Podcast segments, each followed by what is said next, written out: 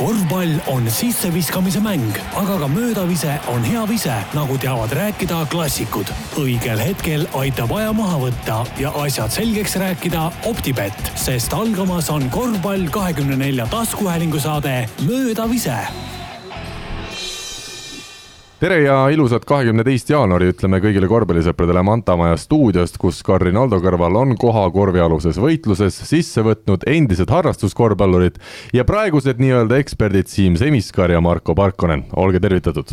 tervist. oot-oot-oot, kui mingist korvialusest võitlusest jutt käib, siis ma lähen kohe uksest välja. no keegi peab olema niisugune lühem mees ka, kes neid malaid palju kelle vastu saab ära teha. just. okei okay,, ma olen täna see siis alustame tänast saadet ühe olulise uudisega, sest äh, täna hommikul Eesti kõiges, kõikides suuremates meediakanalites on peauudis see, et Eesti kõige edevam harrastuskorvpallur, plagiaadimeister Rainer Vakra on teinud uue bakalaureusetöö ja saanud hindeks A. see on suur võit ühele inimesele, aga kas see oli suur võit ka Eesti korvpallile? Marko, sina oled Eesti korvpalli sees igapäevaselt, äh, tunnetad sa juba sellist mainetõusu? ma ei oska seda, seda üldse kommenteerida, nii et. kuidas sinul omal ajal nende bakalaureuse-töödega läks? Plagiaadid kõik Siimul on vist natukene selles suhtes vähemalt paremini läinud. ma jäin siin korvialuses võitluses juba alla, et äh, ma siin kogun ennast natuke. Äh, ma vaatasin ühte intervjuud ka, Rainer ütles, et äh, tal on juba küsimus, mida edasi õppida, et minu arust on üks asi, mida ta võiks õppima minna, on vaikimine, et proovida nii, et ta, ta ei tee ühtegi postitust sotsiaalmeedias ega trügi ühessegi saatesse näiteks noh, nädal aega. et see oleks juba jälle suur võit, ma arvan, kogu Eesti rahvale. kas ma pean midagi ütlema ei pea. proovime kõik vaikida. proovime kõik vaikida, aga mitte selle tunni jooksul, mis meid täna siin ees on ootamas. ja nüüd ütleme juba tere ka tänasele saatekülalisele. Eesti-Läti liigas on sel hooajal vaid üks alla kahekümne aastane eestlane, kes kogub keskmiselt üle kümne punkti mängus ja just tema oleme me täna oma saatesse ka kutsunud. tere tulemast stuudiosse, TalTechi kaheksateistaastane tagamängija Leemet Pökler tere minu poolt ka. oli sulle see fakt endale teada, et sa oled hetkel ainus nii noor mängija, kes keskmiselt nii palju punkte kogub? Ma ei olnud kindel, et ma ainus olen, aga noh, faktina ma seda ei osanud öelda, aga noh, silmaga ringi vaadates siis tundus küll nii. täna sulle otsa vaadates tundub, et äh, tuju on hea, kas sa seda tänavust hooaega iseenesest oled ka nautinud, me jõuame siin TalTechi nii-öelda tabeliseisust ja kõigest muust veel rääkida, aga oled sa hetkel nagu enda olukorraga enam-vähem rahul? no alati saab paremini, aga otseselt midagi nagu nuriseda küll ei ole Nonii, aga siis läheme täitsa alguse juurde. Leemet, ole hea, ütle, kuidas sina tee korvpalli juurde jõudsid, leidsid mm,? sisuliselt äh, mu vennale meeldis seda jälgida ja siis ta hakkas ka minuga mängima. mul vend pidevalt räägib siin, kuidas ta väiksena minuga mängis ja oli mingi, ma ei tea, kolme-nelja-aastane ja siis mingi väiksem ka veel minuga mängis ja kõike aga jah, siis kui ma mida suuremaks hakkasin saama, sellest hakkas mind rohkem nagu ka kaasa haarama ja mul hakkas ise ka meeldima ja siis lõpuks leidsin teiega trenni. kas vend räägib kogu aeg seda ka, kuidas ta sind võitis? seda talle veel rääkida ja ta ikka veel usub ka, et ta suudab mind võita. aga kui kaua see kestis, et kui kaua ta suutis võita sind? ütleme selle ajani, kui ma mingi neliteist, viisteist olin. nüüd enam pole võimalustki tal. kuidas ta nüüd äh, lihtsalt väldib neid omavahelisi kokkupuuteid ja ei no ta pidevalt tuleb, räägib mulle, et ta saab ennast vormi ja siis suvel hakkab mulle tõestama aias jälle, kuidas ta suudab võita. omal ajal omal ajal ma võitsin ja praegu sellest piisab no.. Marko räägib ka meile kogu aeg äh, neid samu jutte, et omal kuidas ajal. ta suvel vormi saab. jaa, seda küll. ja sa mainisid juba aeda, kas see tähendab, et sinu peres on ikkagi korvpallikorv on kuskil aias kakskümmend neli seitse olnud algusest peale üleval? suht jah sest mu, nagu ma ütlesin, vennale meeldis seda jälgida, sest ise käis ka loopimas ja lasigi emaga, no rääkis emaga ära, et panna aedaga korv püsti. et täiesti nagu jala peal omaette seisev, et ei ole kuskil maja seina külge pandud. ja siiamaani on see olemas? täiesti siiamaani. Arvengas on mingi paar korda ikka katki läinud ja võrk on vahetatud ja. see oli sellest ajast, kui sa hakkasid seda korvirõngast nii-öelda ära puutuma mina ei ole seda kordagi hetki teinud, mu vend tegi seda no sa ütlesid ka seda, et te väga palju jälgisite korvpalli, millised sinu esimesed mälestused nii-öelda tippkorvpalliga on, mida sai vaadatud ja keda sai vaadatud? no ma isegi saan öelda, no NBA oligi esimene, keda ma nägin ja mu vend näitaski mulle Lebroni ja Dwayne Wade'i. Nii et ja sina oled juba selle ajastu mees, jah? no need olid mingi sihuke kaks tuhat üheksa, kaks tuhat kümme aasta, kui nad olid oma seal tippudes. Marko mäletab veel, Will Chamberlain jooksis noore mehena ringi, eks ole, sina vaatasid siis neid mänge viimati? jaa, viimati, koha peal väga hästi. Äh, millal äh, see korvpallihuvi nii-öelda tõsisem sinul siis tekkis, kas see oli algusest peale täiesti selline esimene valik või oled sa muude spordialadega ka te tegelenud? Tegelikult algus mingi esimeses, teises klassis käisime ujumises, siis mul oli nagu ambitsioon nagu ujujaks kasvõi saada, aga siis mingi hetk tuli korvpall sisse ja mõtlesin, et ujumine ei ole tegelikult see, mida ma tahan teha, et korvpall on see. vaatasid olümpiamängudel seda meeste seda avamere ujumist seal mingi nelikümmend kilomeetrit, siis mõtlesid ümber, et kurat, äkki ei hakka ikka ujujaks või? tegelikult mulle üldse ei meeldi niimoodi avamerel ujuda sellest ei uju tõesti. ma Markole ütlen nii palju lisaks, et olümpial on ka nii-öelda natuke populaarsem on see basseinis, viiekümne meetri basseinis, et äh, seal ka ujutakse. ja ma ütlen nii palju, et minu meelest ujumine oleks selles mõttes äh, optimaalsem valida, et vaadates Michael Phelpsi, seal on võimalik peaaegu kakskümmend kulda võtta korvpallis äh, no,. eestlasena ilmselt. hea, kui ühe saad kätte. noh, oleme optimistid, et Eesti, juba kui Eesti korvpallis üks kuld ühe olümpia peale tuleks, oleks päris hea tulemus. aga millal sa siis korvpallitrenni jõudsid ja kes su esimesed treenerid olid? Jõudsingi mingi kaheksa-üheksa-aastaselt ja Levkoi oli mul esimene treener täitsa. Jaanus Levkoi? jah. Jaanus Levkoi tuleb meil, vabandust, ma segan vahele, Jaanus Levkoi tuleb igas saates peaaegu sisse. ükskõik, mis vanuseklassist yeah. me räägime, on siin kaheksateistaastane mees stuudios või on seitsmekümne kolme aastane, kõik on kuidagi alati Levkoi käe alt läbi käinud tegelikult naljakas ongi see, et ma alguses hakkasin äh,, olin alguses tüdrukute trennis Levkoi all, ta oli tüdrukute treener. ja siis äh, ta poistes pole mul kordagi treener olnud, siis ma järgmisel läksin äh, Gerda alla minu arust. aga kuidas sa tüdrukute trenni sattusid? mul kehaskasvataja õpetaja, tal tütar käis ka seal ja siis ta pani mind ka sinna korra. kuidas see välja nägi siis? see, see kindlasti on mingi eredad mälestused? eks äh, seal oli see moment, et ma ise ka ei osanud midagi väga hästi, siis tüdrukud võisid ka ära panna ja siis tundus natuke naljakas, aga oi, see oli lihtsalt nagu hea niimoodi läbi elada. Kas äh, sealt trennist on jäänud, see keegi jäi silma ka, kellega sa siiamaani suhtled? tänu korvpallioskustele otseselt äh, igapäevaselt ei suhtle, aga ma tean ikkagist päris paljusid sealt. mängisite jahimeest ka seal kõike mängisime minu arust kuidas see tee edasi läid, läks, siis sa jõudsid Gerde juurde, seal olid siis juba pikemat aega või? seal olin, ma ei isegi ei tea, kas pikemat aega, paar, kaks hooaega äkki, üks hooaeg mis klubidest me räägime üldse praegu? Audentesest, ma teen veel Audentesest olnud. Ongi nii, ja sa oled siis ise Tallinna poiss? no ümbrusest siit, Vaidast tegelikult. selge, aga no põhimõtteliselt pealinn on sul ikkagi läbi ja lõhki tuntud äh, juba lapsest saati, jah? seda küll.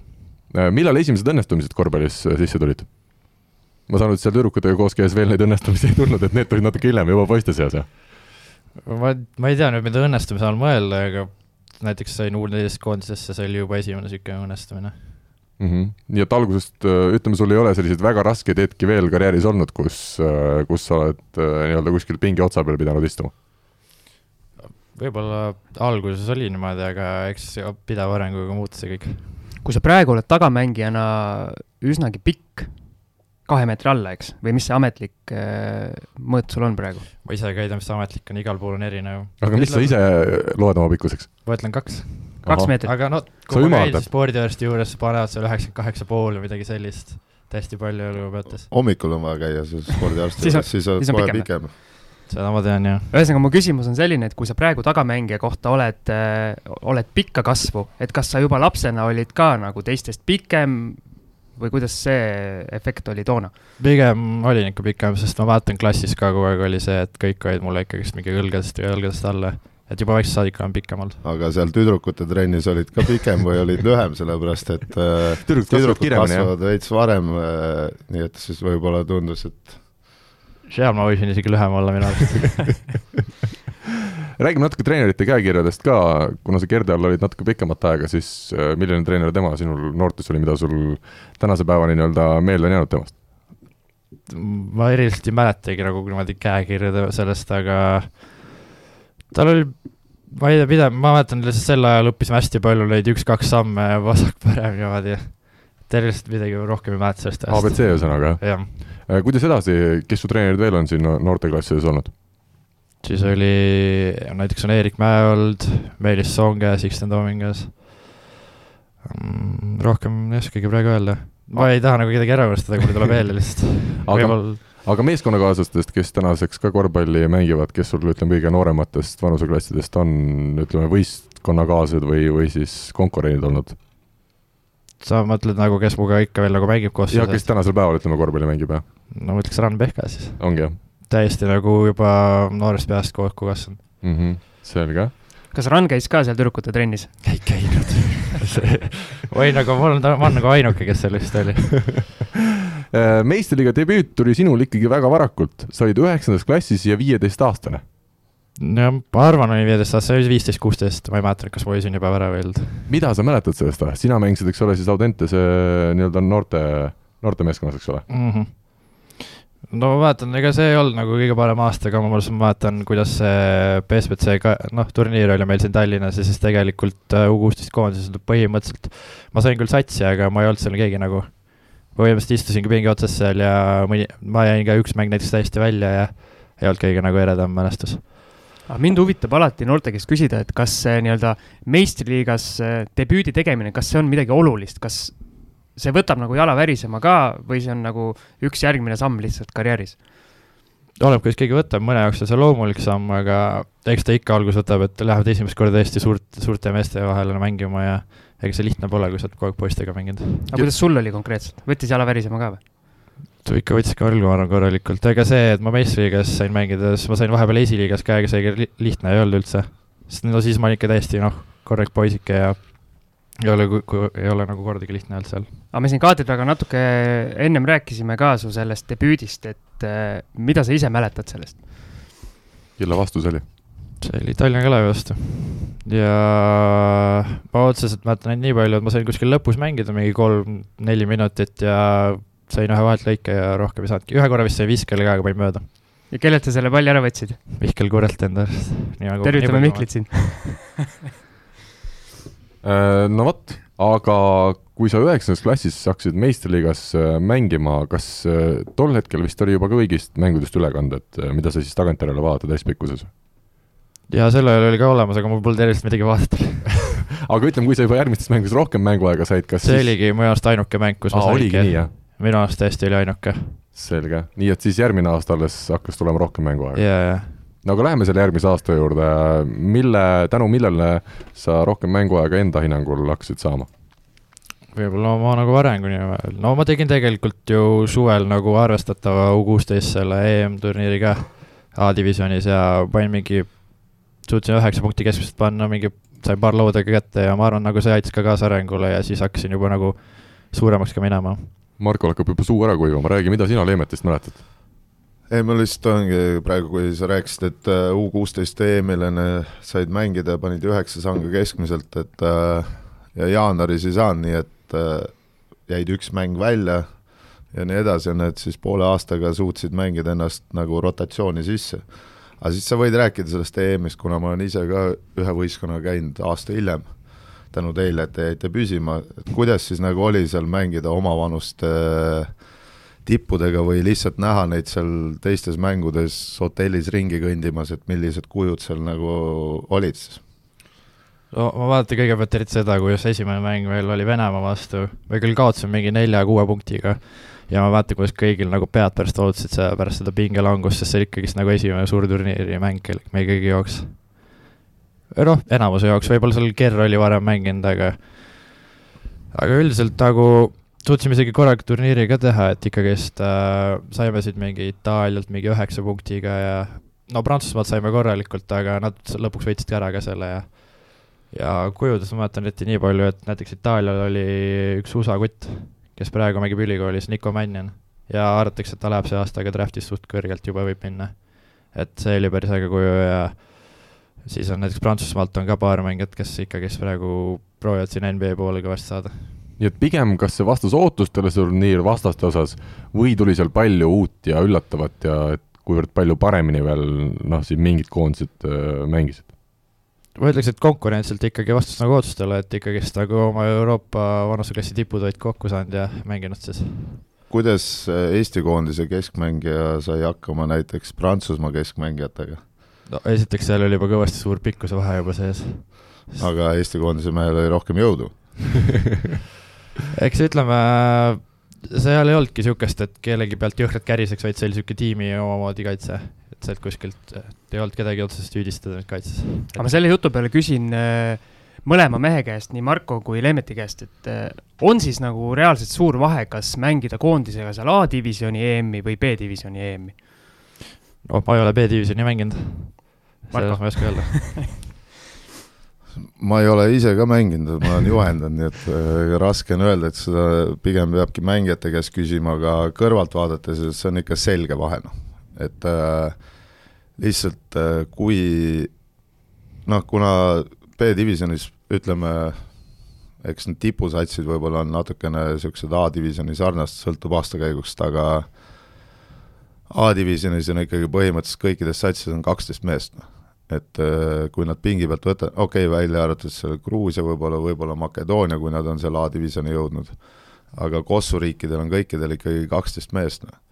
Et ükskõik, kelle nad pingi pealt lükkavad, on ju, siis ikkagi see valmistab sulle peavalu, noh. et meil on tavaliselt ikkagi nii, et kuus-seitse, hästi läheb kaheksa meest, on ju, ja siis on juba väike nagu vahe sees nagu ja B-divisjonis tavaliselt satub sul ikka nii ka, et äh, kas üks või kaks, kuna seal on kuus satsi alagrupis, siis üks võib olla selline, kes ei pruugi üldse võib-olla kossu mängidagi.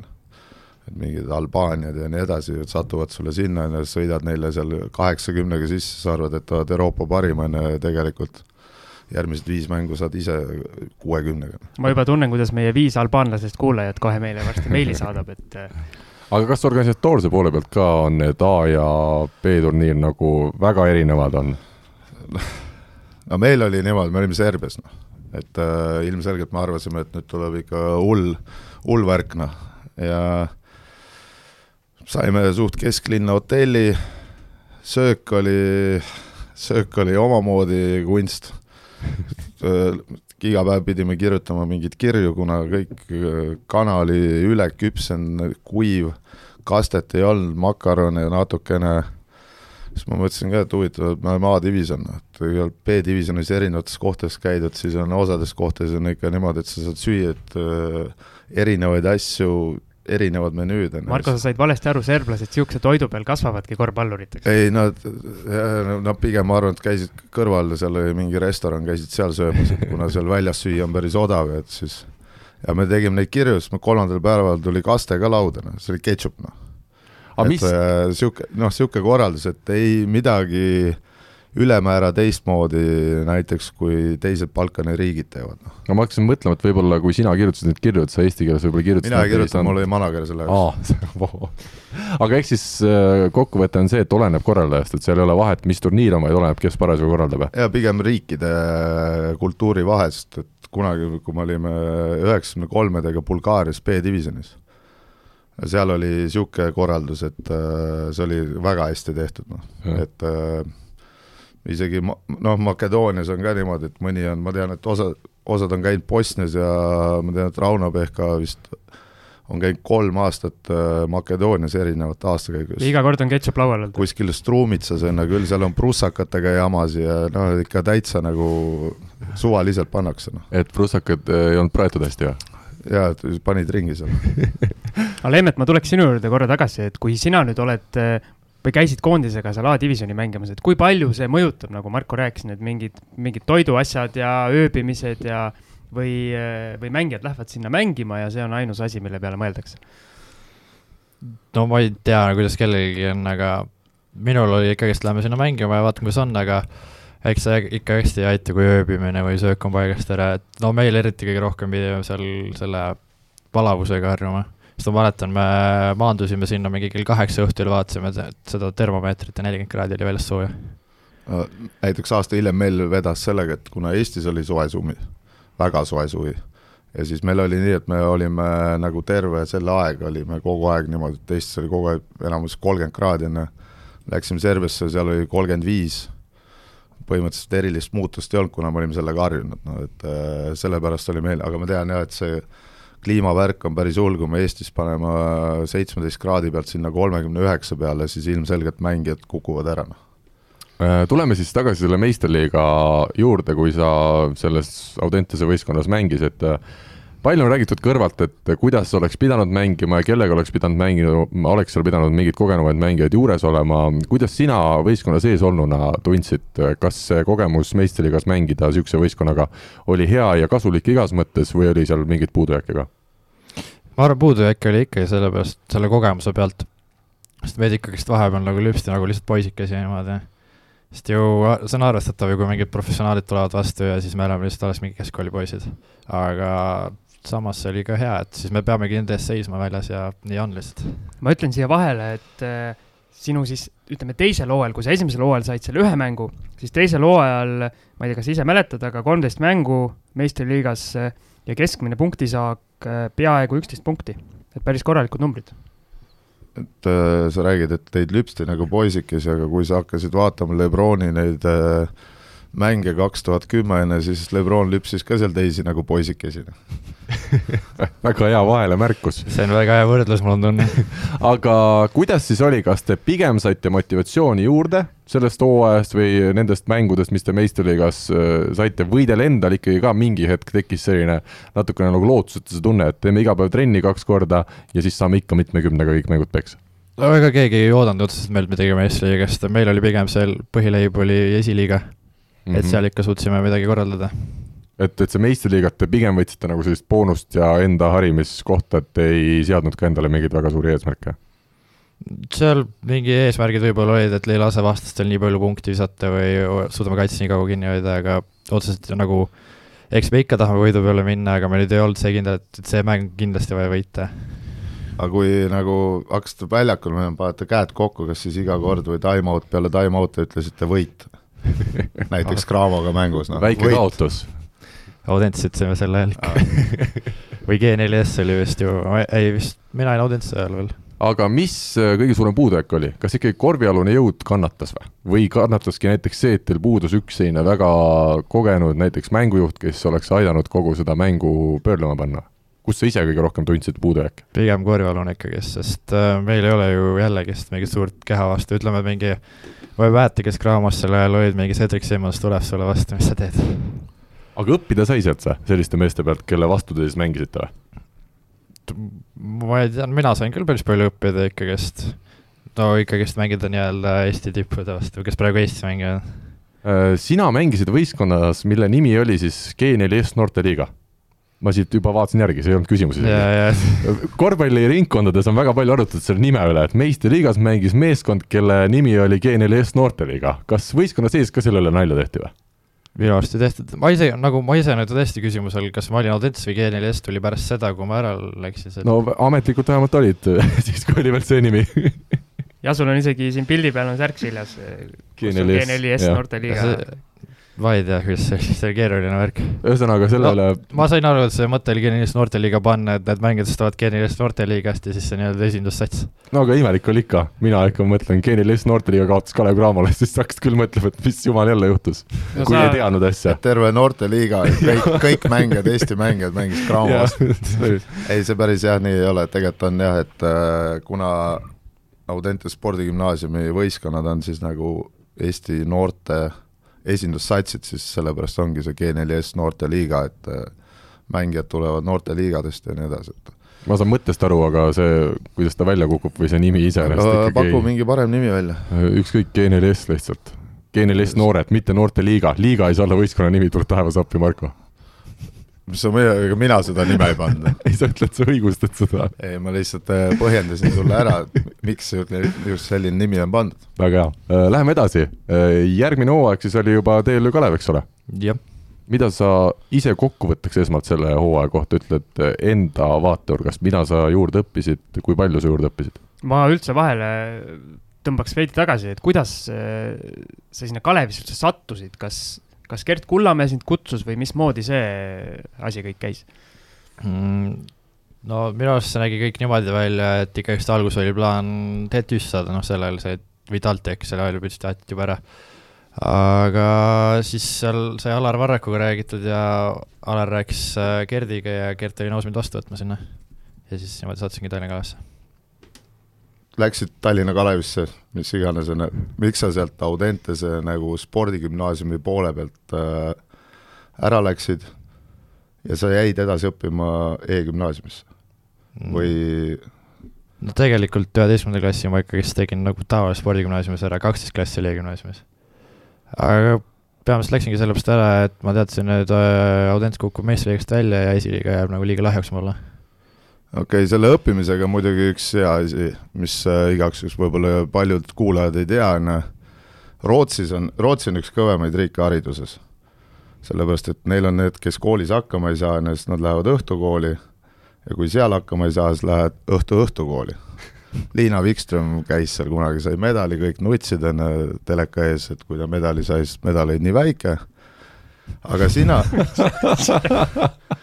aga sina, onju, lõpetasid üheteistkümnendas klassis, hakkasid kõrvale õppima kaheteistkümnenda klassi materjale samamoodi ja lõpetasid ühe aastaga siis nagu üheteistkümnenda, kaheteistkümnenda klassi ära. et miks sa seda tegid? ja kuidas see võimalik on, on minu teine küsimus siia juurde kohe.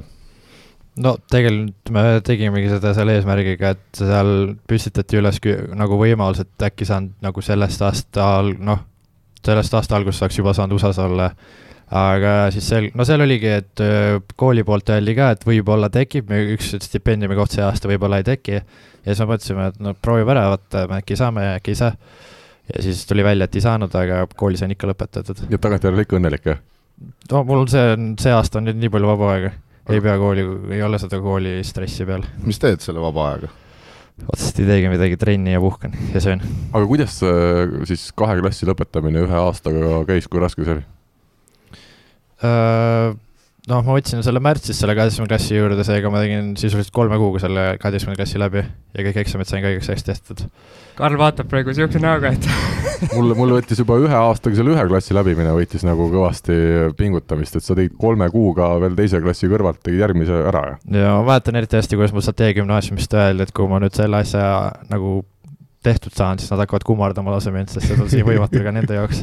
Mulle tundub, et see ikkagi Eesti hariduse värk on liiga lebo, et äh, tuleks ikkagi kõvasti juurde panna. mitu aastat sa, Marko, kunagi tegid kooli? kaheteistkümnenda tegin ka ühe aastaga ja samamoodi nagu väga, pigem keeruline, eks väga pingsalt. mm. -hmm. selge, aga nüüd siis võime tulla selle TLÜ, TLÜ Kalevi hooaja juurde. mida sa esmalt ise sellest hooajast kõige rohkem mäletad ja mis sa ise kõige rohkem õppisid sellelt hooajalt? Võib-olla mäletangi seda, et kuidas nüüd meeste vahel hakata õigemini nagu käituma ja mängima. sest ma mäletan, kuidas ta- Talsiga siin kogu aeg nagu, kus teda karjumist oli kuulda, et ta on ju nii vana ja ta ei viitsi vaadata, kuidas mingi noori näga, läga, näga ei oska midagi teha. nii et tuli õppida lihtsalt, jah? jah. aga eks kas see oli- algus äh, viskas nagu šoki sisse ka, et umbes, et sihuke kogenud vend tuleb ja hakkab õpetama kohe? Ei visanud, see on minu jaoks nagu suhteliselt nagu praegu normaalne, et minul niimoodi nagu mölisemata tullakse. see on nagu noorteklassi juba saadik, kus treenerid kogu aeg mölisevad ja niimoodi ütlevad. palju sa Jaanari kõrvalt õppisid nii-öelda mängulist poolt, palju sa nägid trennis, kuidas ta midagi tegi osavamalt või puhtalt kogemuste pealt? ma nägin kogu aeg ta seda, seda spin move'i, mis ta seal post'is teeb. aga seda vist ei oskagi keegi enam nagu järgi õppida. aga üldiselt oli palju õppida siis temasuguse mängija käest või?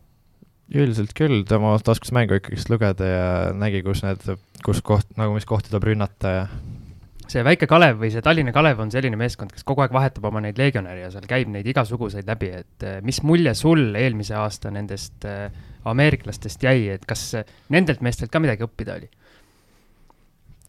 ma nii palju kui platsilt, siis ikkagist oli õppida küll selle Harrisoniga kogu aeg oli seal pusimist ikkagist kaitses, kuidas ta ikka mingi asendist kuidagi ära pani ja ja samuti ka, kui ma tema vastu ründasin, siis kuidas tal käed kogu aeg nobedad valmis olid ja vahepeal täiesti lihtsalt, ma ei saanudki midagi teha ja pall oli kadunud juba. aga seda, kui kiiresti kohvrit lahti pakkida ja kokku pakkida. seda ma ei õppinud kahjuks, mul polnud po- po- nagu põhjust selle jaoks. üks üks asi veel, mis sa said eh, suht, suht noorelt juba kätte, sihuke nii-öelda nagu profikorvpalli asi, et poole hooaja peal vahetatakse treenerit. kuidas see asi sinule mõjus, et eh, seal aastavahetuse paiku Gert Kullamäe pakkis samamoodi kohvrid, nagu Marko siin eh, tabavalt ütles ja tal polnud kaugele minna jah, ja Martin Müürsepp võttis töö üle, et kuidas eh, sina kui mängijana seda meeskonna seest vaatasid? no otseselt äh, meeskonda see nii jõhkralt ei mõjutanud, lihtsalt hakati uusi mingeid liikumisi läbi proovima ja nagu uus käekiri tuli peale, aga suures plaanis midagi ei muutunud. mul suutsid mänguminutid umbes samaks jääda, võib-olla natuke langesid, aga noh, lõpuks ütleme, et ikkagist saime hõbedaga kätte, et seal võib öelda, et hästi läks. kui suur asi see sulle oli, et te hõbeda kätte saite? no minu jaoks on tegelikult suht suur, sest ma pole kordagi nagu Eesti finaalis olnud või et see on See- ikkagi väga eriline hetk juba see, et te sinna saite ja et te siis ka Kaleviga mängisite seal. ja eelmine aasta oligi sihuke päris hea aasta, et siin Marko käest napsasin karika või seal finaalis veel kulla ära ja, ja. Marko, tahad sa rääkida sellest? ei, mis seal ikka noh. siin võiks kohe pidama jääda minu arust. aga mul on niisugune küsimus, et sa said nüüd selle Estikate hõbeda kätte, aga kas võib olla nüüd äh, sihuke hüpotees, et äh, kui sinu karjäär läheb loodetud rada pidi, siis Eesti meistriks kunagi sa ei tulegi. Lähed järgmine aasta ülikooli, teed seal mingid aastad ja sealt juba kuskile edasi, et äh, sel aastal võimalik ka meistriks tulla veel. no sel aastal on võimalik, aga vaadates tabeliseisu TalTechil, siis äh, ma ei tea, kui reaalne see on. no eks loodetavasti on ikka see plaan, et nüüd Eestis ei, ei hakka kunagi nagu mängima. Või noh, mitte et Eesti liigal midagi viga oleks, aga ma leian, et ma suudan kuskil mujal kõrgemal mängida. ja nüüd võib Marko jätkata selle U kaheksateist kokkuvõttega. ei, me saime kindlalt sisse, jah mm. -hmm. mis seal mingi kahekümnega vist äh, poolega oli vist suht tase ja siis lagunesime korralikult. öeldakse, et meeskond võidab ja treener kaotab, et seal oli ilmselt ka see, see juhus jälle Uh, ilmselgelt. no seal oli see küsimus, seal oli vist vaja kaks meest kinni võtta, oli nii? Vastastel. Uh, sellega me saime enam-vähem hakkama, aga siis meil tuli Aa. seal uh, ahhaa, Uh, meil tulid seal paar halba üllatust ja paar valet nagu mängimist kaitses, kuidas me pidime nendega hakkama saama, sest et point oli selles, et kui nad kahekesti viskavad enne, siis ühte natukene piirata ja siis äh, jälgida neid teisi kõrvalt, sest et vaevalt äh, üks mees lihtsalt tahab panna mingi kuuskümmend, seitsekümmend sanga, ilmselgelt see ei toimi, aga meil seal lagunes seal täiesti ära, no väga hea põhjendus, see oli selge. ja siis Leemet saigi karikavõidu, selge, aga me tegime neile tagasi. noh, ma saan vähemalt sellega öelda, et see karikamängus oligi plaan niisugune, et poole ajani ja laseme teistel visata ja siis poole ajast võtame ise üles, võib-olla sellest tuligi see pakk nüüd sisse. võib-olla tõesti, jah. aga me õppisime kevadeks sellest. ole hea võrdle Kullamäed ja Müürsepa kui treenerid, mis nende kõige suuremad, ütleme, sarnasused olid ja mis kõige suuremad erinevused? noh, niimoodi nüüd on kohe raske öelda, eks see oli võib-olla niisugune, et äh, Müürsepp on rohkem niisugune noh, vaoshoitum võib-olla, eks ta midagi ikka ütleb, aga Gert oli hästi niisugune emotsionaalne ja kes võiski emotsiooni pealt igast asju välja öelda ja arvata. aga noh, kui eelmise aastast võtan, siis ega liikumised nagu Müürsepp vist võttis Kullamäest mõned üle ja käekirja poolest ei muutunud midagi. selge, aga tuleme siis selle suve juurde juba, mis pärast seda suurt hõbemedalit äh, tuli. miks sa otsustasid äh, TalTechi minna, mitte jääda TLÜ Kalevisse? selle, see oligi lihtsalt selle osast, et minu nagu areng läheks edasi ikkagi, sest ma teadsin ju, et Tallinna Kalev, nad tahavad ikkagist edasi võita ja hakkavad sisse tooma legionäre ja see piirab minu võimalusi rohkem. et sa arvasidki, et sul puhtalt mänguajaliselt jääb seal nii kitsaks, et targem on minna mujale? no mitte just mänguajast, vaid ka selle palli haldamise poole pärast, et kui ma kogu aeg mingid äh, tead, legionärid toovad palli üle ja korraldavad ise seal mänge ja mina lihtsalt istun nurgas seal, ega see mulle midagi kaasa ei aita. Mhm. aga kas äh, näiteks treeningutel ei oleks parem nende legionäride vastu treenida, kes kuna nagunii sul on plaanis minna USA-sse ülikooli enne, siis sa oled valmis, sest muidu sa treenid ju eestlastega, omasugustega enam-vähem, on ju, et äh, sest nendel on teatud, teatud asjad, mis neil on selgelt eristuvad äh, näiteks äh, eurooplastega, nii et noh, seal kätekiirus, kaitsemäng, nad ei taha lasta endale nii lihtsalt kotti panna ja nii edasi, nii edasi, et äh, võib-olla see nagu aren-, oleks arendanud rohkem. jaa, aga ma nüüd ei mõelnud treeningute peale, et ma sinna pärast jään, ma tahtsin ikkagist mängida no, no,. et treeningud treeninguteks, need on kogu aeg samad inimesed, aga mängides saab ikka rohkem ka no, Tallinna Kalevis ei ole samad inimesed, sa, sa saad ise tellida endale vastaseid. aga tuleme siis selle hooaja juurde. jätkasid siis Gert Kullamäe käe all mängimist, olgugi et võistkonda vahetasid, sest äh, Gert liikus samuti edasi. mida nüüd sina sellest esiteks, sellest treeneri vahetusest äh, arvad ja mõtled, loomulikult sul on tänasel hetkel veel hooaeg pooleli ja võib-olla see kõike päris äh, üks-üheselt ei saa meile siin lahti rääkida, aga kuivõrd suur asi see treeneri muudatus võistkonna ja sinu jaoks oli, et, et Kullamäe läks ja Kris Killing sai uueks peatreeneriks? noh, minu jaoks on nüüd see teist aastat niimoodi järjest, kus niimoodi peatreener muutub. aga eks seda oli, noh, praegu on näha olnud, et Krisil nagu ikkagist on hingega asja sees ja tahab nagu aidata tiimi paremuse poole. et proovib endast oleneva kõik, nagu kõik teha. oli see nii-öelda loomulik ja oodatav otsus, et, et Gert lahkus või tuli see sulle ka üllatusena? no kohati võis ka sihuke üllatus olla, aga eks seda oli näha nagu tabeliseisust ka ja, ja siis äh, no ma kuulsin, et ega noh, ma ei ütle nüüd nagu nimesid välja, aga otseselt tiimi nüüd ei olnud äh, kogunisti mm. äh, selle poolt vahepeal, mis tema nagu tahtis mängida meid ja me ise nagu arvasime vahepeal võiks teisiti teha. Mhm. ja noh, ma arvan, võib-olla otsustuseks võikski, otsus, otsustavaks võikski olla see tabeliseis, oleks me võitnud, ma arvan, ei oleks midagi hullu olnud. miks te ei võitnud siis? okei okay,, see selleks, et äh, kui ma vaatan teie hooaja algusest peale, noh kui ma jälgin, siis äh, ja teie võistkonna rosterit, siis teil on enamus sellised, kes tahavad rünnata. ehk äh, no pigem teie kohta käib see, et teil jääb ühest pallist väheks seal viie peale, kuna sina ei taha nurgas istuda, äkki sa ei saa palli, siis seal veel on ja nii edasi, nii edasi. mis värk teil selle kaitsemänguga on? No meile nüüd ongi rõhutatud, et meil rünnakul ei ole probleeme, vaid kaitse ongi see probleem. et ma ei oska nüüd öelda, mis selle probleem on. seal võib-olla liigne, või tähendab, mitte liigne, vaid vähene rääkimine. ja suhtlemine omavahel ja siis tekivad niisugused olukorrad, kus lihtsalt vastane võtab, viskab kerre. et ma just nagu jälg-, mõtlengi seda, et te olete paar mängu on jäänud kuskil seal, oli Gert Kulla, Kullamäe peatreener või nüüd Krisiga äh, Chris Killinguga siis samamoodi, et äh, paar mängu jäid sinna kuskile seitsmekümne peale punktidest, on enamus skoor on kaheksakümmend viis üle, on ju, ja siis samas tuleb nätaki sama palju tagasi ka või rohkem, on ju, et äh, nüüd vahetasite peatreenerit, on ikka sama seis, noh. et mis värk on, ei viitsi tagasi tulla? mehi tuleb vahetada. jah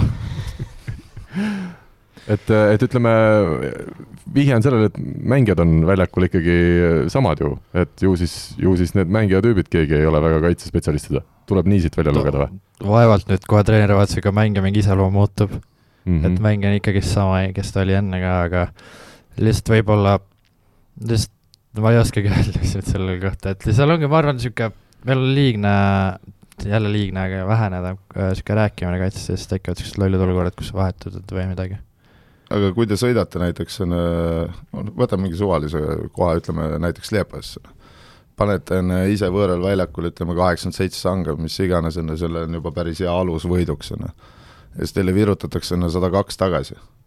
siis enne Liepast sõidad tagasi viissada kilti bussiga, no millest te räägite seal siis? või kõik magavad, et noh, et ma ei tea, kui pannakse sada kaks sanga, siis nagu peaks endal nagu veits seest peaks midagi ära lõhkuma või mingi niisugune asi peaks olema, kui see tuleb nagu mäng mängult järjest, on ju, sest ma käisin ühte mängu teil vaatamas viimast, eelviimane äkki, sinu endise siis klub, koduklubiga, kellega sa hõbedale jõudsid, on ju, see oli vapsee NBA, noh. meil oligi minu arust, me viskasime mingi, ma ei nüüd faktiliselt mäleta, mingi üheksakümmend sang, üheksakümmend seitse sanga äkki ja meil vist sada kümme vastu, noh. võib-olla oli no, isegi natuke üle saja kümne, aga noh, põhimõtteliselt. umbes midagi sellist. Et nagu mis värk sellega siis on, et äh, te ju bussis või te omavahel ei suhtle üldse, et saate kokku, panete, teete trenni ära, lähete minema või eks ikka suhtleme, aga minu arust me nüüd otseselt ei olegi sellest rääkinud, et äh, kaitse poole pealt, me oleme lihtsalt enda arust nagu piisavalt suutnud võit-, võidelda, aga lihtsalt ei ole meil kordagi see nagu tõeks läinud, et me nüüd võidaks. aga trennis te olete nüüd hakanud siis äh, Krisi käe all rohkem pöörama tähelepanu just mingitele kaitseolukordadele või? Oleme küll tegelikult, no Krisil on isegi mingid nagu harjutused olnud mingi mängud olukorraks, kus me siis pro-, proovimegi rohkem oma käsi ja rääk-, proovime kasut-, kasutada oma käsi ja siis rääkida omavahel rohkem ja mm. -hmm. huvitav on seda kuulata, et nagu sellisel tas-, kuna enamus mängijaid on ikkagi, ei mängi esimest aastat meistriliigas ega teist aastat, on ju, see ei ole U kuusteist, on ju, sats ega U kaheksateist, kellele sa pead kogu aeg meelde tuletama, et on vaja rääkida, on ju, et noh, et ma, see on nagu mulle natukene üllatus, et nagu mehed ei suuda rääkida meistriliigas, noh. aga mul on samal teemal küsimus, Marko, sulle, et äh, siin erinevad nii-öelda eksperdid äh, ja võib-olla ka eksperdid on öelnud, et äh, kaitsemäng on a la mingi üheksakümmend protsenti tahtmisest ja kümme protsenti oskused, et noh, igaüks paneb need protsendid nii, nagu ta tahab, aga ma ei usu, et meistriliiga tiimis ei ole seda tahtmist. Aga kuidas siis saab niimoodi olla, vasta ise sellele küsimusele, et mis värk on, et kuidas lastakse endale kogu aeg sada punkti visata? Äh, võib-olla ei pöörata sellele üldse tähelepanu trennides, noh. et kui ongi, et kui näiteks kogu harjutused on nii, et me viskame, on ju, põrgatame, lihtsalt viskame peale, on ju, kedagi ei huvita, kõik mängud käivad, mängulised olukorrad käivad äh, lihtsalt niisama, et mängime kümne punnini, on ju, vahet ei ole, kes võidab, nii edasi, et see peaks olema sportlik viha juba mängijate poolt, keegi ei taha kaotada, näiteks kui on mingi kolm-kolm, harjutatakse mingeid olukordasid, kõik käib ainult võidu peale, noh. ja see viib kogu aeg edasi, on ju, ja ilmselgelt need mängijad, kes jagavad võib-olla kaitset paremini, peaksid õpetama ka neid mängijaid, kes ei jaga, noh, noh ideaalis see peaks, ja kui keegi on vait, siis talle tuleb öelda, et kuule, tee suu lahti. et siis mängudes on ju eriti olukorrad, kus näiteks sa saad äh, selja taha blind, blind screen'i on ju niimoodi, et sa noh, sa ei tea, et see kate on seal. sa saad niisuguse paugu, et sa võid olla mingi peapõrutusega kuskil kuu aega audis ka lõpuks, noh. ja no see, niisugune asi ajaks päris närvi, noh, või ükskõik, selja taha midagi sulle tehakse, ju, et äh, aga ma arvan, et noh, ma olen näinud Cramo mänge, kui Varrak oli, või Kar-, Cramo trenne, kui Varrak oli seal treener, on ju, sest nad mängisid ka igast olukordasid, mis neil oli seal kolm-kolm, on ju, no seal ikka oli andmine, et kui keegi pani korvi, siis oli umbes terve see kaitsesats oli nagu enda peale vihane, noh. sõimati seal ühte meest, teist meest, kolmandat meest, on ju, kogu aeg nagu, et oli nii, et järgmine kord kas või võeti veaga maha ja ei ole nii, et sa lihtsalt pane mulle, teeme niisugune, teeme kossu, et lihtsalt paneme, noh. aga siinsamas ju räägitakse, räägitakse, kuidas Varrak jäi lõpuks seal Graamo aegadel jäi pehmeks ja kui tuli leedukas Kairis, et siis läks hoopis teistmoodi see Graamo asi. jaa, aga noh, üks asi oli nõudmine, aga ega Varjak ei olnudki niimoodi, et ta karjus, et kuule, nüüd ei tohi lasta ära panna, vaid mängijad ise olid sellised, kes ei tahtnud kaotada, noh. et äh, see on, see on nagu no ju siis see on, võib-olla tuleb noorte klassidest kaasa, mis iganes, võib-olla mingitel hetkedel tuleb seda võistkonnale rääkida, on ju, no ma, ma arvan, et see, see on nagu üks, üks põhjus, pluss treeningutel võib-olla liiga palju kaitsele ei panda rõhku. Noh. aga Leemet, ma arvan, ega te ju TalTechis ka ei taha kaotada ju, te teete ka ju kõvasti trenni. no absoluutselt ei taha, keegi ei taha kaotada. aga kui, jah, siis ma ei oskagi rohkem küsida Läheme edasi, Chris Killing on hästi noor treener tänasel päeval ikkagi veel. kas seda tema noorust on ka tema nii-öelda tegutsemises näha, et ta ikkagi mingitel hetkedel veel isegi võib-olla väga täpselt ei tea, mida ja kuidas äh, Äh, teha või sina ütled, et vähemalt kõrvaltvaates või siis noh, mitte kõrvalt, vaid meeskonna sees olles, ta on nii-öelda küps treener juba peatreenerina sellisel tasemel? no mul kõrvaltvaatajana tundub ikkagist, ta teab, mis ta nagu te tahab teha ja, ja oskab mingit lahendust pakkuda mingile olukorrale äh, ma tean, Kullamäele vist natukene heideti seda võistkonna sees, et, et ta liiga nii-öelda need mängulised treeningud jäid liiga passiivseks või et mingid augud tekkisid, kus ta jäi rääkima mingitest asjadest ja see mängijatele võib-olla nii hästi ei sobinud. kas tänasel päeval siis Killingu käe all on see tempo hoopis teistsugune treenides või ja mehed on rohkem rahul? praeguse seisuga tundub küll nii, et Kullamäega võiski sellist olla, et vahepeal lihtsalt viis minutit nagu istud ja vaatad, kus ta mingit olukorrast räägib aga praegu Krisiga ongi niimoodi, et äh, mängime mingi mängu ära või teeme harjutuse ära ütleb, tulge istuge kõik siiapoole, samal kui me joome juba näitab järgmist asja, et siis kui jood saab kohe hakkama uuesti pihta. selge, kas sina täna kaheksateistaastasena teed kõvasti ka lisatööd ja, ja trenni enda kallal, et, et saada veel paremaks mängijaks ja olla parem kui need mängijad, kes sinu ümber on? Mm, teen küll, mul praegu ongi niimoodi, et ma hommikuti käin alguses jõusaalis, lähen veel teen Sixteniga saalis veel juurde ja siis õhtul lähen meestega mängima. Sixten on, eks ole, Sixten Domingos mm,? tema on siis sinu, kuidas seda tuleb nimetada, mänedžer või? Ei saa mänedžeriks seal, ütleme treener. treener jah mm, -hmm. kui suur roll tema üldse sinu nii-öelda korvpalluri karjääris on, palju sa temaga kõiki asju läbi arutad? noh, ma olengi temaga ju nüüd Audentses mingi oma viimased kuus-viis aastat mänginud ja siis ma tean teda suht kaua ja praegu kõige selle TalTechi minemise ja Tallinna Klaassi minemisega ta on ikka väga seotud olnud. selge, palju, palju teisi mehi selliseid TalTechis on tänasel päeval, kes teevadki veel lisatrenni ja kes sa näed, et annavad sada kümme protsenti, et saada paremaks mängijaks? No praeguse seisuga ma olengi aru saanud, nagu ma olen niisugune nii-öelda väikest moodi erand, kes saab hommikuti, see oli nagu kokkuleppena tehtud, ma saan hommikuti ikkagist enda trenne teha ja siis õhtul lähen meeste trenni, aga et teised lähevad samamoodi kava järgi, et hommikul vahepeal teevad koos ja siis äh, lähevad õhtul. aga ma ei tea, niimoodi ka ühel Järvelaine niisugune, kes on vahepeal pärast trenni viskama jäänud, viimasel ajal mingi viskemasina võtnud ja seal proovib see visata ja visat korda saada või noh, mis korda saada, vaid lihtsalt kordusi saada pidevalt juurde. kellel trennis kõige parem viskekäsi on? no ma ei tea, kas nüüd oodatakse Gregor Arveti vastust või ei, ma, ma, ma ütlen iseendale, et mul on. selge. õige vastus. aga ma küsin siia vahele sellise asja, et kui sa ütlesid, et seal Tallinna Kalevis, kui sa olid, siis oli Janar Talts oli kõige vokaalsem ja isegi seal sõimas noormängijaid ja nii-öelda pani li-, pani listule või kuidas see väljend on, Karl teab? no ei, no sinu väljendid kõik sobivad mulle okay.. saime aru, mida sa mõtled. aga kes TalTechis see mees on? kas on see Gregor Arbet või, või hoopis keegi teine? no nii vokaalset inimest polegi meil, nagu Talts oli. aga koolivend? koolivend, keda mõtled? keskmängija üks Karl-Kristjan Karpi meil või? ta, ta pole praegu üldse väga kaasa teinud, aga eks ta, ta ei ole küll sihuke olnud, kes kellegi peale mölisema hakkaks. meil ei olegi nüüd see, meil ei olegi sellist inimest, kes kellegi peale jõhkralt pahandama hakkaks. et kui on midagi on, siis ikkagi tuleks nagu rahulikult rääkima, ei ole sihuke, et üle saali hakatakse karjuma. eks vahel ikka mingi niisuguseid tuliseid momente olla, aga kindlalt inimeste omad ei ole. Äh, küsime edasi seoses sinu endaga, kus sa näed täna, et kõige rohkem veel arenguruumi on? Lihtne vastus on see, et igal pool ja kindlasti see on ka õige vastus, aga kus sa näed, et ikkagi sul on kõige rohkem vajakajäämisi täna? noh, seda nüüd nii palju, kui inimesed mind teavad, siis on kindlasti kaitse pool mul. seda ma ise kuulen ka, kui vaatan vahepeal mängu järel, kuidas kommentaatorid räägivad, et Leemetit teatakse küll ründemängijana, aga et kaitses on veel nii mõndagi õppida. aa, nüüd me jõuamegi sinna, et sealt käriseb, jah? aga palju sa ise eraldi tööd teed selle kallal või palju sa, ma ei tea, vaatad internetist mingeid videoid, küsid treeneritelt juurde, et kuidas seda kaitsemängu parandada? ma ei teagi, kas nüüd seda kaitsemängu, seda kindlasti ma arvan, drillidega nüüd välja küll ei saa, et vaid see ongi nagu pideva mängimise tee, nagu tuleb pideva mängimisega.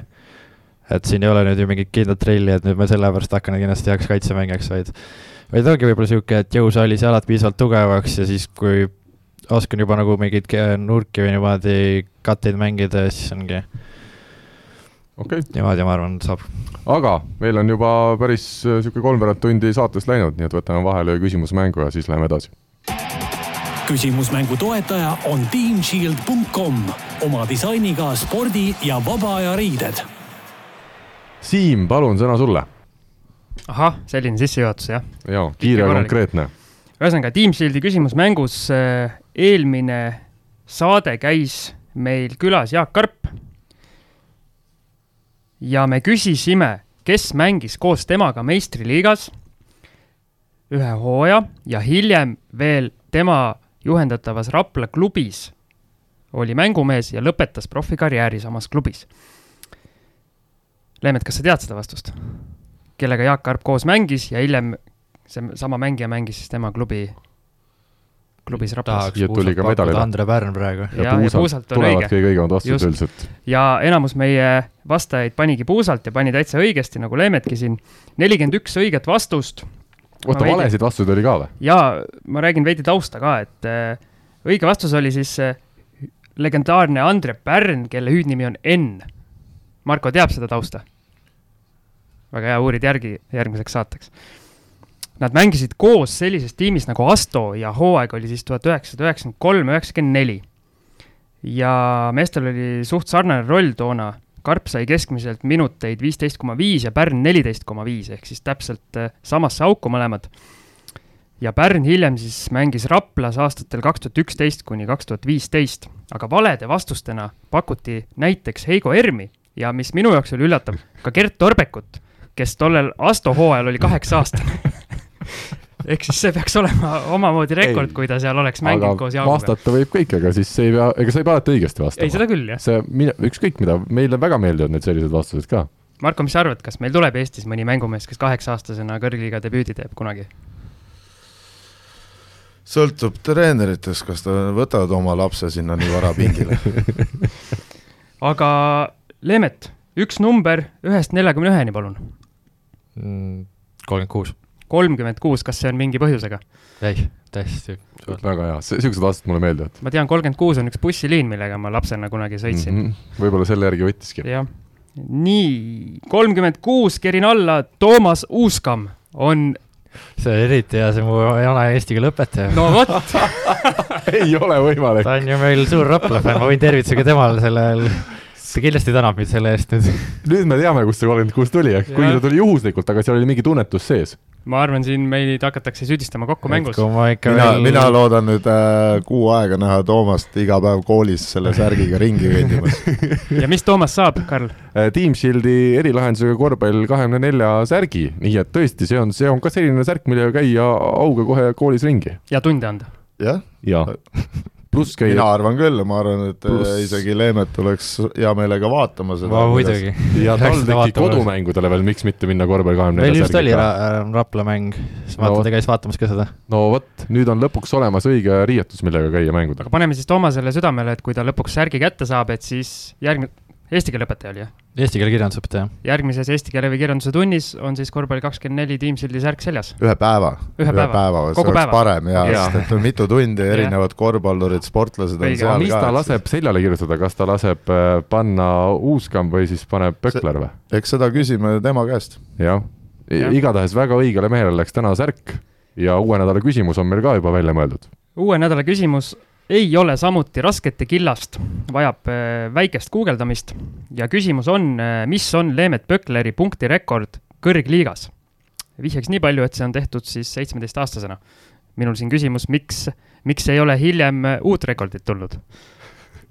seda ma küsin ka pidevalt enda käest see võiks ka küsimus, see võiks lisaküsimus olla kui, kui keegi sellele ka vastust teab, siis andke märku ja küsimused saab siis saata korvpall. vastused, vastused. jah, küsimused ja vastused kõik korvpall kakskümmend neli äh, siis Facebookile sõnumitesse või info, et korvpall kakskümmend neli punkt ee meiliaadressile. meie aga läheme edasi järgmise teemaga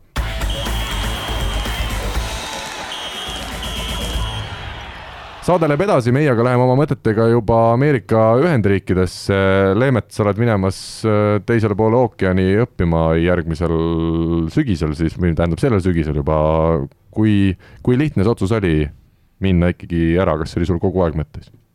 no tegelikult ma olen juba suvest ära, aga õppima hakanud siis sügisestest, aga eks see on kogu aeg mul nagu, nagu niisugune siht olnud, et ma tahan nüüd ülikooli ikkagist mängima minna et kui ma oleks kuhugi välismaale tahtnud juba varem mängida, siis ma oleks juba ammu ära läinud.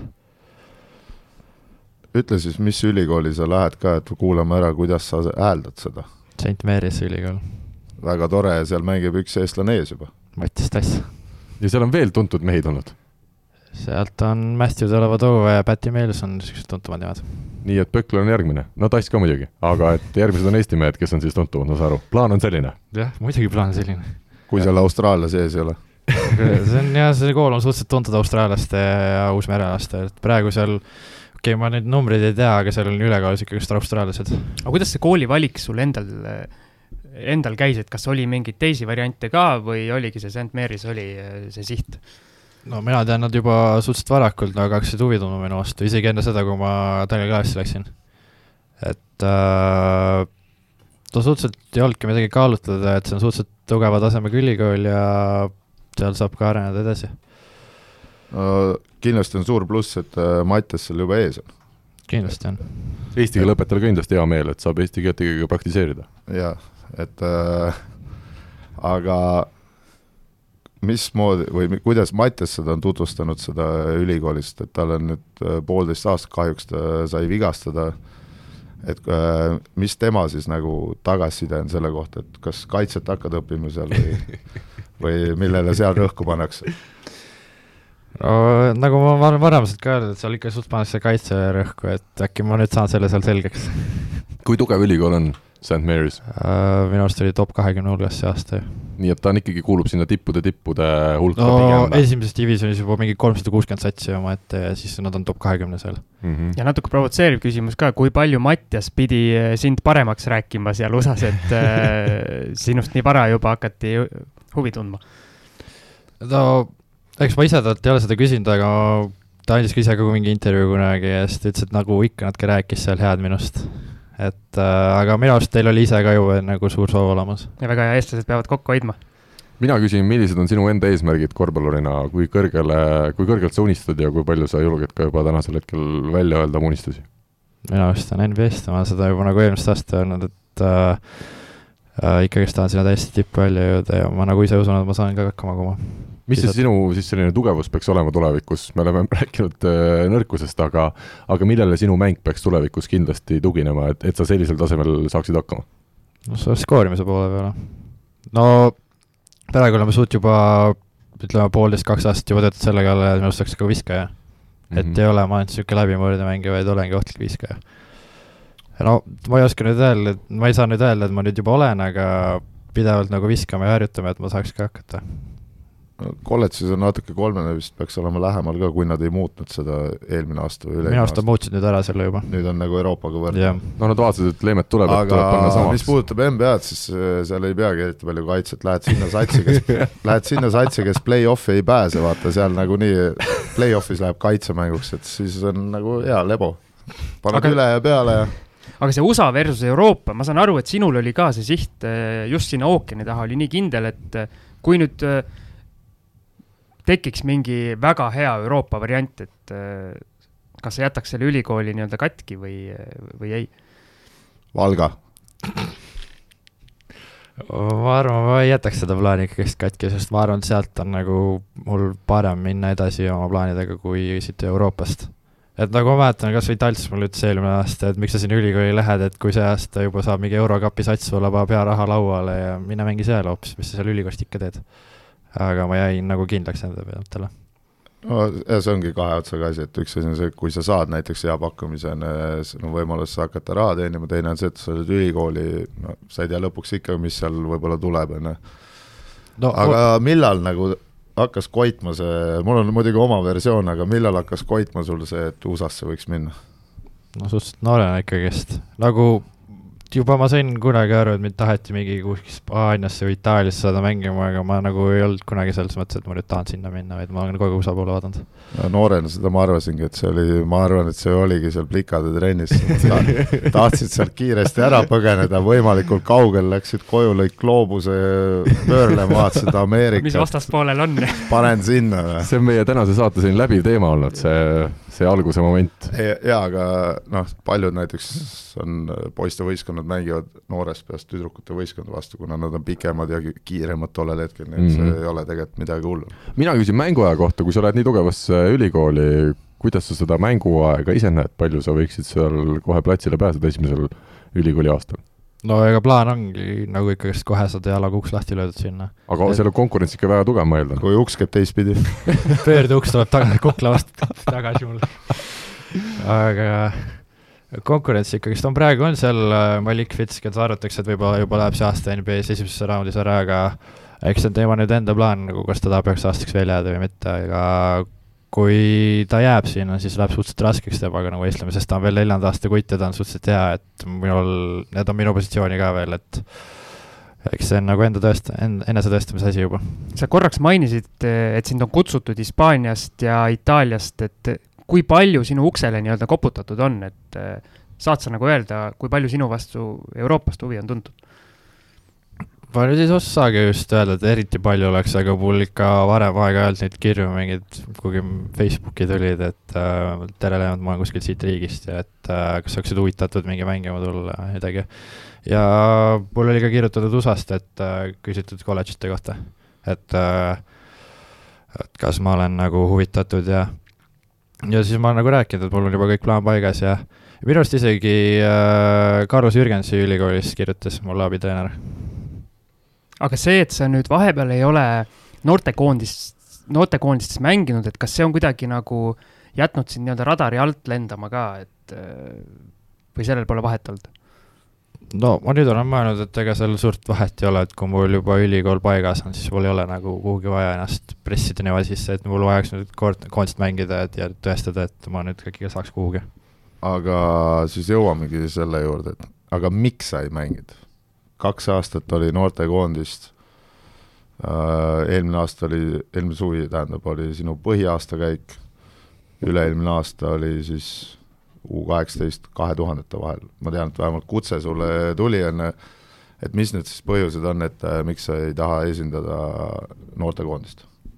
mitte, et ma ei tahaks, vaid ma lihtsalt et suvel oleks parem aeg see endale keskenduda, sest ega koondises ei ole plaan nüüd isiku nagu indiviidina aren-, areneda, vaid seal on tiimina vaja ikkagist vaja võita ja ja suvel üksi treenides ma saan paremini areneda kui seal.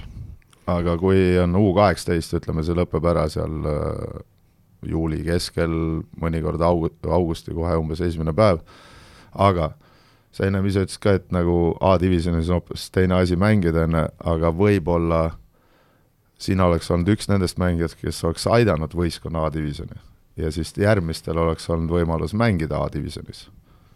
no jaa, aga mis mul nendest teistest, ma ikkagist keskendun endale. no arusaadav. aga jah, ei, see on muidugi arutelu koht, aga tihti sellised, kes, mängijad, kes mõtlevad enda peale ennekõike, need jõuavadki kõige kaugemale. kuigi ma saan ka Marko pointist aru väga hästi. aga kui meestekoondist tuleb kutse, mis teed? no ilmselgelt, kui ma saan, siis ma lähen. veebruaris aga kui see tuleb, ütleme järgmisel aastal, kui sul on äh, ülikool, siis on vist juba väga keeruline. siis on väga keeruline jah, no ilmselt ongi see, et nüüd, et äh, nüüd järgmised neli aastat ma ei saagi esindada. aga sa võid ju saata näiteks, oletame, et sa saad kutsemeeste koondisele, saadad äh, ühikatoast enne treenerile sõnumi, et olen haige, köhin või mis iganes ja tuled, käid Eestis ära kiiresti see Eestis käik läheb kalliks maksma ka niimoodi, noh. jah, et Marko ei tööta mänedžerina näiteks. aga äh, kuna me oleme siin päris palju juba rääkinud ja meil on natukene veel saate lõpus ka muudel teemadel jutustada, siis lähemegi edasi. mängija profiil, üks inimene, erinevad vaatenurgad. ja järgmisena võtame ette ammu unustatud äh, rubriigi mängija profiil, mida meil siin mi mitu saadet ei ole sisse mahtunud seekord. hea, et sa meelde tuletasid ka kuulajatele seda. ei no aus tuleb olla, siin ei saa. oleme ausad.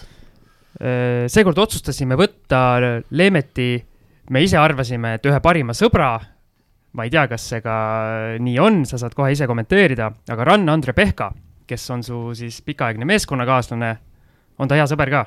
on, üks on, parimatest. üks parimatest, no näed. nii. Pehka on siis Tallinna Kalev TLÜ meeskonnast tänavu seitsmeteist mänguga saanud kirja keskmiselt kakskümmend kaks minutit, viis koma neli punkti, kolm koma neli lauda ja üks koma üheksa söötu. et äh, mees on meistriliigas jala uksele, ukse vahele saanud. nüüd, Leemet, kui palju sa oled näinud Pehka mänge? no eks ma vahepeal kodus olen pannud tööle ta mängud, sest ikkagist on nagu vana klubi osaks näha, mis hetked korraldavad seal, et mängijaid tean ja aga no täismängu olen ainult siis vaadanud, kui me teineteist vastu oleme mänginud. ja kuidas run paistis? no esimene mäng ta tegi ikka päris korraliku mängu minu arust, et ega teisel ka midagi viga ei olnud, aga esimene oli ilmselgelt parem kui teine. aga iseloomusta teda natukene, milline ta mängijana on, kui kõva mees tema kaitses on ja mis tema need plussid-miinused on? no kaitses ma saan öelda, ta on ikkagi sihuke, kes tahab jebida niimoodi, elabki sul nagu puuk küljes niimoodi käib su kogu aeg pinda. ja ega rünnakul ka ta vähemat ei anna ikkagist tahab ka koti täis panna. Marko, mida sina tead noorest Pehkast? ma tean, et talle meeldib ka tegeleda pilli mängimisega. no vot. mis pilli ta mängib? kitarri. seal peres muid pille ei ole kitarri mängib, kas ta on sulle ka õpetanud, kuidas kitarri mängida? ei ole, aga mul on õnnestunud seda kuulata, kuidas ta mängib. aga kas sina siis laulad kõrval, kui te kahekesi olete mul ei ole kahjuks seda laulu häält. see pole alati oluline minu nagu ma arvan, ta on ikka mind kuulnud laulmas, aga ise ta vist kommenteerib, et talle ei meeldi see väga. selge, sa võid vastu öelda, et kui, kui on vaja laulda, siis ta laulab ise. selge, väga hea. milles oled sina parem kui Rann? no kas nüüd üldse üleüldiselt või Kossus? Kossus. üleüldiselt võid ka öelda, see on väga huvitav, kui sa oskad midagi kohe tuua eluliselt no, ka. ei oska niimoodi nagu, taha võrrelda niimoodi inimesest, sest inimesed on ikkagist erinevad um.... võtame korvpallis. no ma nüüd ma ei taha kuidagi nagu otsast maha ka teha ju et ma nüüd parem olen. ei, aga mõlemad on head, aga üks on parem. ma ütlesin sulle õige vastus, kui su käest äh, keegi küsis siin laua otsast või ma ei tea kust, et kes trennis teil on kõige parem viskaja TalTechis enne, siis sa nagu ütlesid, et äh, mina, noh, mis nagu näitabki, et sa pead endasse uskuma ka veits, onju. aga nüüd sa pead ütlema, mille poolest sa oled parem kui su üks parimatest sõpradest mis on sinu eelis tema ees? dogi panemine mis asja? see tegelikult naljakas niimoodi, et äh, noh, ma hüppan ikkagi kõrgem kui tema, aga viskamises olen ka, ma usun, parem. näiteks no, näiteks vabaviskes kindlasti see aasta, sest mul on sada protsenti sealt. oota, Marko, tonk on see, kui pannakse ülevalt alla? ma ei kuulnud, et see tonk oli, ma mhm. okei aga mis on äh, miinus? ma arvan, kaitse pool minu jaoks ikkagist, sest ma ei ole niisugune, kes jebiks niimoodi mis see jebimine tähendab? räägi lahti sihuke, et sa ei annagi reaalselt nagu ruumi hingamiseks isegi talle. et käidki seljas ja see vajab vaikselt niimoodi närvi ka. siis ta võib ju ära lämbuda ega teda kaitses vist ei huvita, kui vastane ära läheb. aga meie äh, võtame selle rubriigi ka juba kiiresti kokku ja läheme täiesti viimase osa juurde.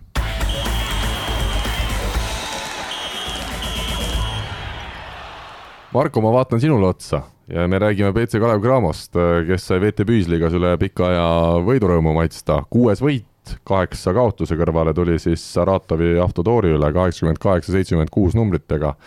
mida me sellest mängust võime järeldada, kas number üks asi on see, et ikkagi meeskond koos Janari Jõesaare ja Aigar Skeelega on, on midagi hoopis teistsugust kui ilma nendeta? jaa, kindlasti, Kitsing oli ka seal, käsi, ma ei, ei ole täpselt kindel, millal ta mängima hakkas uuesti peale pausi, enne käsi oli kinni teibitud, aga no selgelt on Graamo pink on pikem, noh ja selgelt need mä-, mängijad nagu mängivad ka oma rolli välja, nii Skeele, Jõesaar, Jõesaar oli päris hea, Skeele oli, hoidis ka seal teravust ja Kitsing pani ikka oma värki ja mulle tundub, et Kitsing paneb labakinnastes, paneb ka kolme paremini kui enamus teised mehed. võib-olla küll jah, ma ei tea, mul niisuguseid tundeid ei ole, aga noh ei, aga see oli hea võit Cramole, sest et äh, ikkagi, no ma nägin mängu teisest veeratajast, siis oli juba Graamo oli äkki viisteist oli vahet enne, siis nagu, et nad ikkagi suutsid seda hoida, et äh, tavaliselt on suur vahe, siis on nii, et sa hakkad mingi hetk, tekib seal mingi, et noh, et küll saab.